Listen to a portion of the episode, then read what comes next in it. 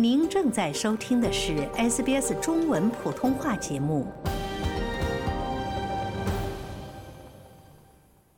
受热带气旋 Jasper 影响，昆州北部地区近日遭受大面积的洪水侵袭，一千四百多栋房屋受损，三千五百户仍未恢复电力供应。总理阿尔巴尼斯已经在本周四抵达该地区，与昆州州长迈尔斯共同走访受灾地区。在 Jasper 过境后，清理工作组和社区成员共同努力，尽力挽救损失。澳大利亚气象局也证实，凯恩斯到因厄姆之间的严重天气状况已经得到了缓解。一位在洪灾期间与家人被困凯恩斯两天的华人游客 Cici 对 SBS 普通话表示：“回想当时的经历，仍旧心有余悸。”为什么原因会导致被困在凯恩斯了呢？这台风其实已经过去了。然后这几天也在下雨，但是就是下的小雨、雷阵雨。到大概礼拜五、礼拜六，尤其礼拜六那天，呃，雨就下的特别大。应该是台风过后又来了一场这种暴雨，然后这个雨就连下了两天，然后就这个小镇就被淹了。嗯，加上前面台风的这些水，就是已经积的很多了嘛，然后把路啊什么全都封掉了。然后也就是星期天。呃，早上已经准备好，就已经收拾好行李，准备出去的时候，发现路已经被淹了，而且那个时候淹的，呃，已经比台风那阵儿，已经比台风那阵儿还严重。嗯，是车子开不出去是吗？对，车子完全过不去，然后走也走不过去的 那种，就确实挺深的。我们早上八点多的时候，已经都，它有个水位的那个杆子嘛，已经是大概六十公分，然后。过了不到一个小时就变到八十公分了，然后中间我们也大概每两三个小时会出去一趟看一下路有没有开，然后每次出去就会另外一条街就会淹淹上来，就越来越多水越来越多，最后导致就是出了我们家的那个 driveway 已经都淹到了 driveway 了，就已经出不去这条马路了。嗯，您在社交媒体上发的这个牛是个什么情况呀？Facebook 上有一个群，专门有一个凯恩斯的一个呃灾难群。然后上面就有很多嗯人在分享，就是这次洪水的这个事件。牛的话，就是从上游 Freshwater 那边，那边有很多农场吧，农场主都养了很多牛，他们那边淹了之后，就只好把牛放生了，就把那个 gate 全部打开，打开之后牛就等于自生自灭吧，就是如果被洪水冲，那就被冲走；如果自己能往高一点的陆地上赶紧跑，那牛就自然会往高地高地走。但是还是很多都被冲到了下游。那我们住的这个区就是刚好在这条河到大海的这个出口这边，所以呢，它出口这边就有一些比较浅的一些陆地，牛有可能刚好运气好的话，就能就是可以安全的自己上岸，然后运气不好的话，就直接被冲到大海里了。天呐，听起来非常的糟糕。那您大概发现自己就是跟外界被切断了以后？当天是只能待在民宿的房子里面，就被困在那里面，是吗？对，我们周天没有出去之后，就回到了民宿。然后那个时候已经断电了，就是已经没有电了。然后我们也是没有饭嘛，因为已经都要 check out 了，所以提前一天把该吃的、该喝的全部都吃掉了。然后最后就靠邻居投喂。嗯，你们总计在这个民宿里面被困了多久啊？我们一共加起来应该算两天吧。嗯，出来是怎么出来的呢？哎，出来这个故事简直 很悲伤，感觉现在现在回想还是挺后怕的。因为当时周一早上我们就又出去探路嘛，周一那天已经不下雨了，然后也是晴天，然后就去看一下路有没有开，我们可不可以就是先把车开出去？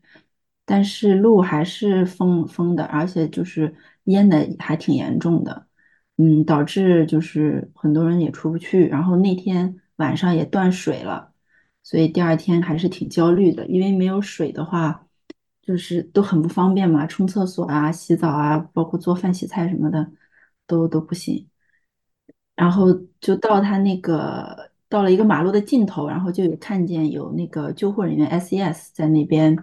然后有看见他们有那个皮筏艇，那个小姐姐就说可以出去，但是出去之后也不能进来，出去的话，嗯，就是要排队，然后。优先一些病人啊、小孩呀，然后再这样慢慢的一个一个这样走。然后这个时候我们就没有选择走，就想着如果我们人走了，车留在这里，也不知道怎么处理。最后还是新闻上有听广播嘛，广播说就是政府已经派军队啊，什么都来了，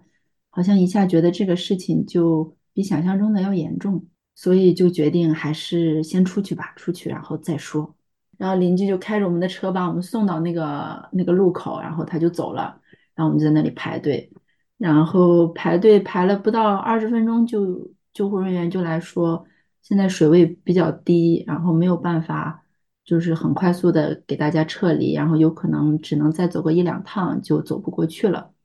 因为那个水位大概有一米一米多吧，但是因为有很多那个 fencing 嘛，就是那些农场的那些围栏，其实都挺高的，然后他们的马达会卡在上面，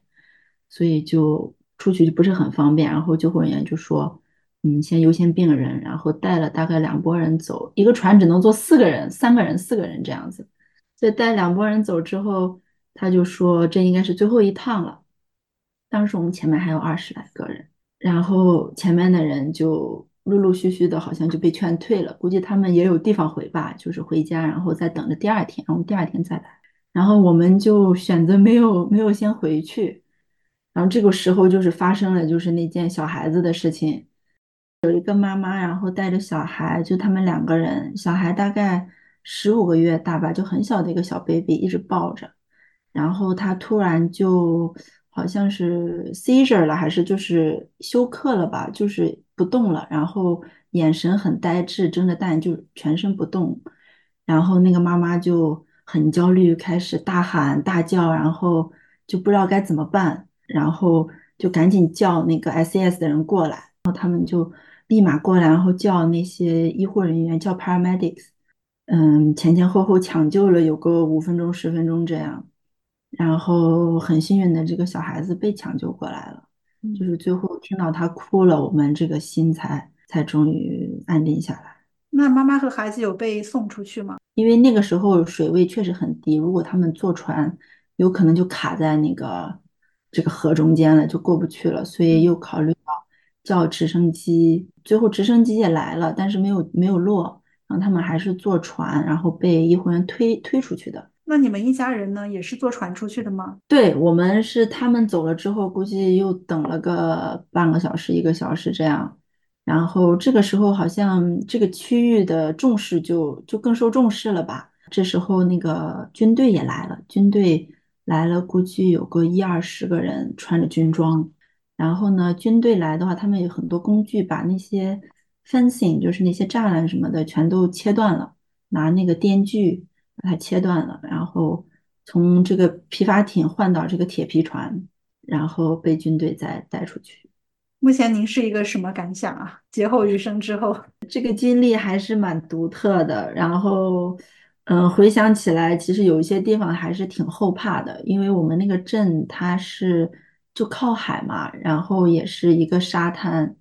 然后下雨很大的那天，其实镇的中间被开出了一条河，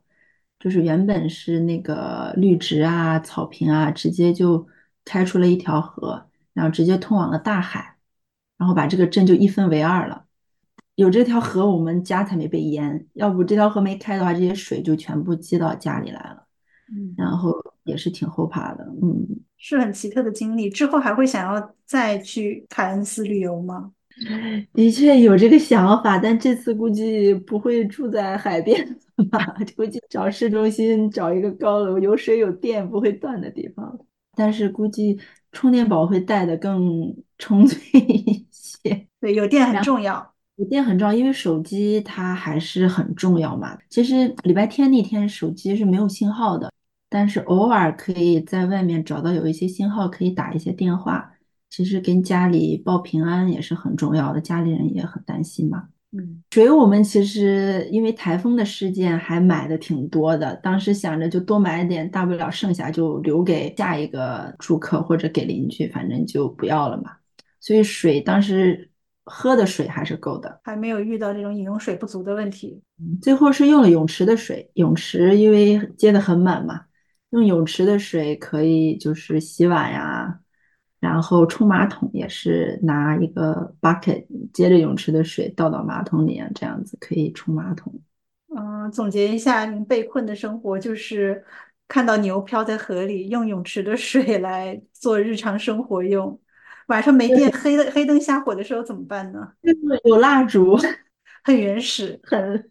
说浪漫吧，也不至于，但是确实，您的描述很有画面感。牛，我最后又见到，又见到了牛，在那个等排队排船的时候就来了，就莫名其妙的往我们这边走来了一头牛。听别人说，这个镇上就是现在有一二十头牛，就在自由的在游走。嗯，然后路路开了，我们走的那一天，路已经开了，就是水已经消掉了，也是万幸了。不过您家人平安健康就好，也算是圣诞节的一个礼物吧。对，就觉得这个时候家人在一起哈，平平安安、健健康康的最重要。嗯，那也是很希望昆州受灾地区的大家可以尽快的重建家园。喜欢、分享、评论，欢迎您在 Facebook 上关注 SBS 普通话页面。